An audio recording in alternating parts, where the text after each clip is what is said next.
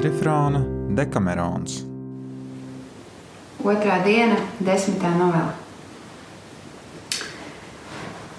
Ik viens no cienījamas sabiedrības atzina par skaistu un ļoti slavē karalienes stāstīto novelu. Bet visvairāk Dionēs, kas vienīgais vēl šodien nebija stāstījis. Daudz uzslavējis iepriekšējo novelu, viņš sacīja: Daļās dāmas, viena vieta karalienes novelē pamudināja mani mainīt nodomu un pastāstīt jums nevis to novelu, kas man bija prātā, bet gan kādu citu.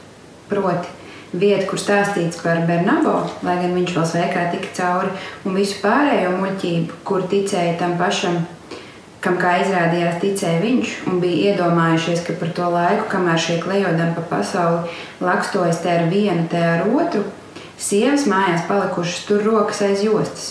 Itin kā kad mēs, kuri piedzimstam un uzaugam viņu vidū, nezinātu, ko viņi skāro.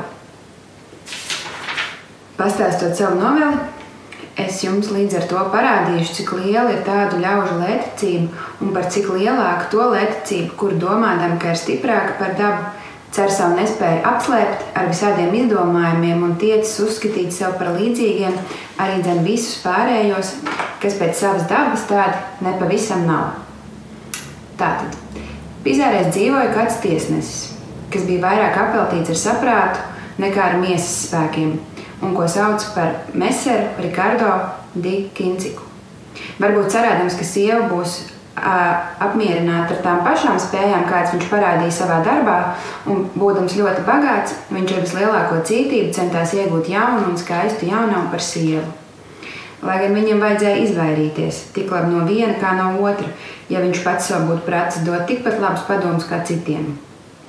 Tas viņam izdevās, jo Mēsers Loto Galvandī atdeva viņam par sievu savu meitu vārdā Bartolomeju. Viena no viskaistākajām un vispievilcīgākajām jaunavām Pizā, kur nemazums tādu, kas mudīgāks par ķirzakām. Kad tiesnesis to bija atvedis savā mājā, ar vislielāko godu nosvinējis skaistas un graznas kāzas, lai laulība būtu pilnīga, viņš pacentās pirmā naktī to vienreiz aizskart. Kaut gan daudz netrūka, ka pat šo vienu reizi viņš nebūtu neko izdarījis. Pēc tam nākošā rītā, tā kā viņš, tā kā viņš bija vājš, izkalts un diezgan nespēcīgs, viņam bija nepieciešams sarkanais svīns, spēcinošs saldumu un cita līdzekļi, lai atgrieztos atkal dzīvē. Un tā šis tiesas kungs, labāk nekā agrāk, apsvērdams savus spēkus, sāka savai sievai izskaidrot kalendāru, kas droši vien, kas droši vien kādreiz sastādīts Ravenā un noder bērniem, kur tikko sāk mācīties lasīt. Jo, kā viņš tai pierādīja, nebija nevienas dienas, kurā neiegadītos ne tik vieni, bet pat vairāki svētki, kam par godu aiz dažādiem iemesliem vīram un sievai vajadzēja atturēties no tāda veida tuvības. Šiem svētkiem viņš vēl pievienoja gavēņus, apstuļu un tūkstošiem citu svētko priekšvakarus, piekdienu, sestdienu un tā kunga svētdienu, visu lielo gavēni, zināmas mēnesis fāzes un daudz citu ierobežojumu. Bet varbūt domājams, ka sievietēm gultā pienāks tādas pašas brīvdienas, kādas viņš savreiz piešķīra tiesneša darbā.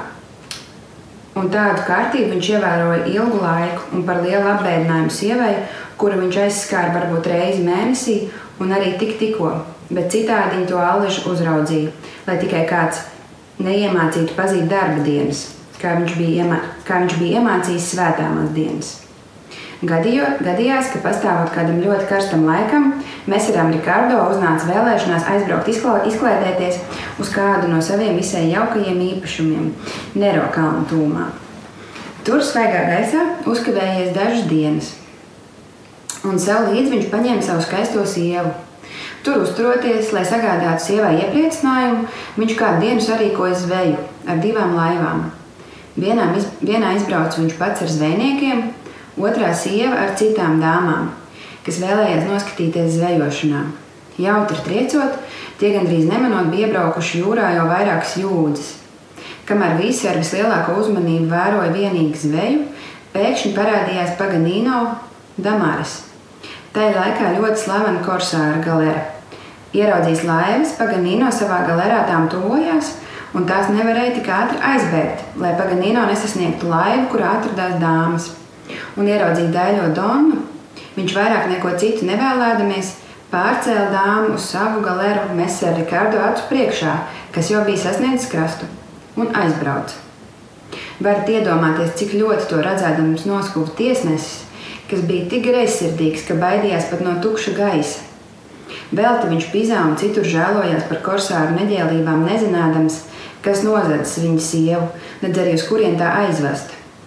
Kad Paganīno redzēja, cik nolaupītā doma skaista, viņš jutās ļoti apmierināts. Un tā kā, nebija, tā kā viņam nebija sievas, nolēma tos visiem laikiem paturēt pie sevis un sāka to maigi mierināt, jo tā gauži raudāja. Un, kad pienāca nakts, tā kā kalendārs viņam bija izkritis no jostas, un visi svētki un brīvdienas aizmirsušās, viņš sāka to mierināt ar darbiem, jo viņam likās, ka dienā vārdi maz ko bija līdzējuši. Un tādā kārtā viņš daļavu tā nomierināja, ka pirms viņa sasniedz Monako, tiesnesis ar saviem likumiem te bija izgaisis no prāta, un tā uzsāka ar Paganīno vispriecīgāko dzīvi pasaulē.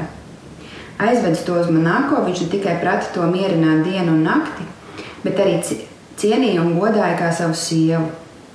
Pēc kāda laika Kad mēs ar Rikārdu ausīs nonāca ziņa par sievas atrašanās vietu, viņš ar viskvēlākajām ilgām sirdī, domādams, ka neviens tik labi nepratīs nokārtot visu nepieciešamo, nolēma pats braukt. Pēc tās gatavs izdot jebkuru naudas summu, lai to izpirktu. Izbraucis jūrā, Rikārdo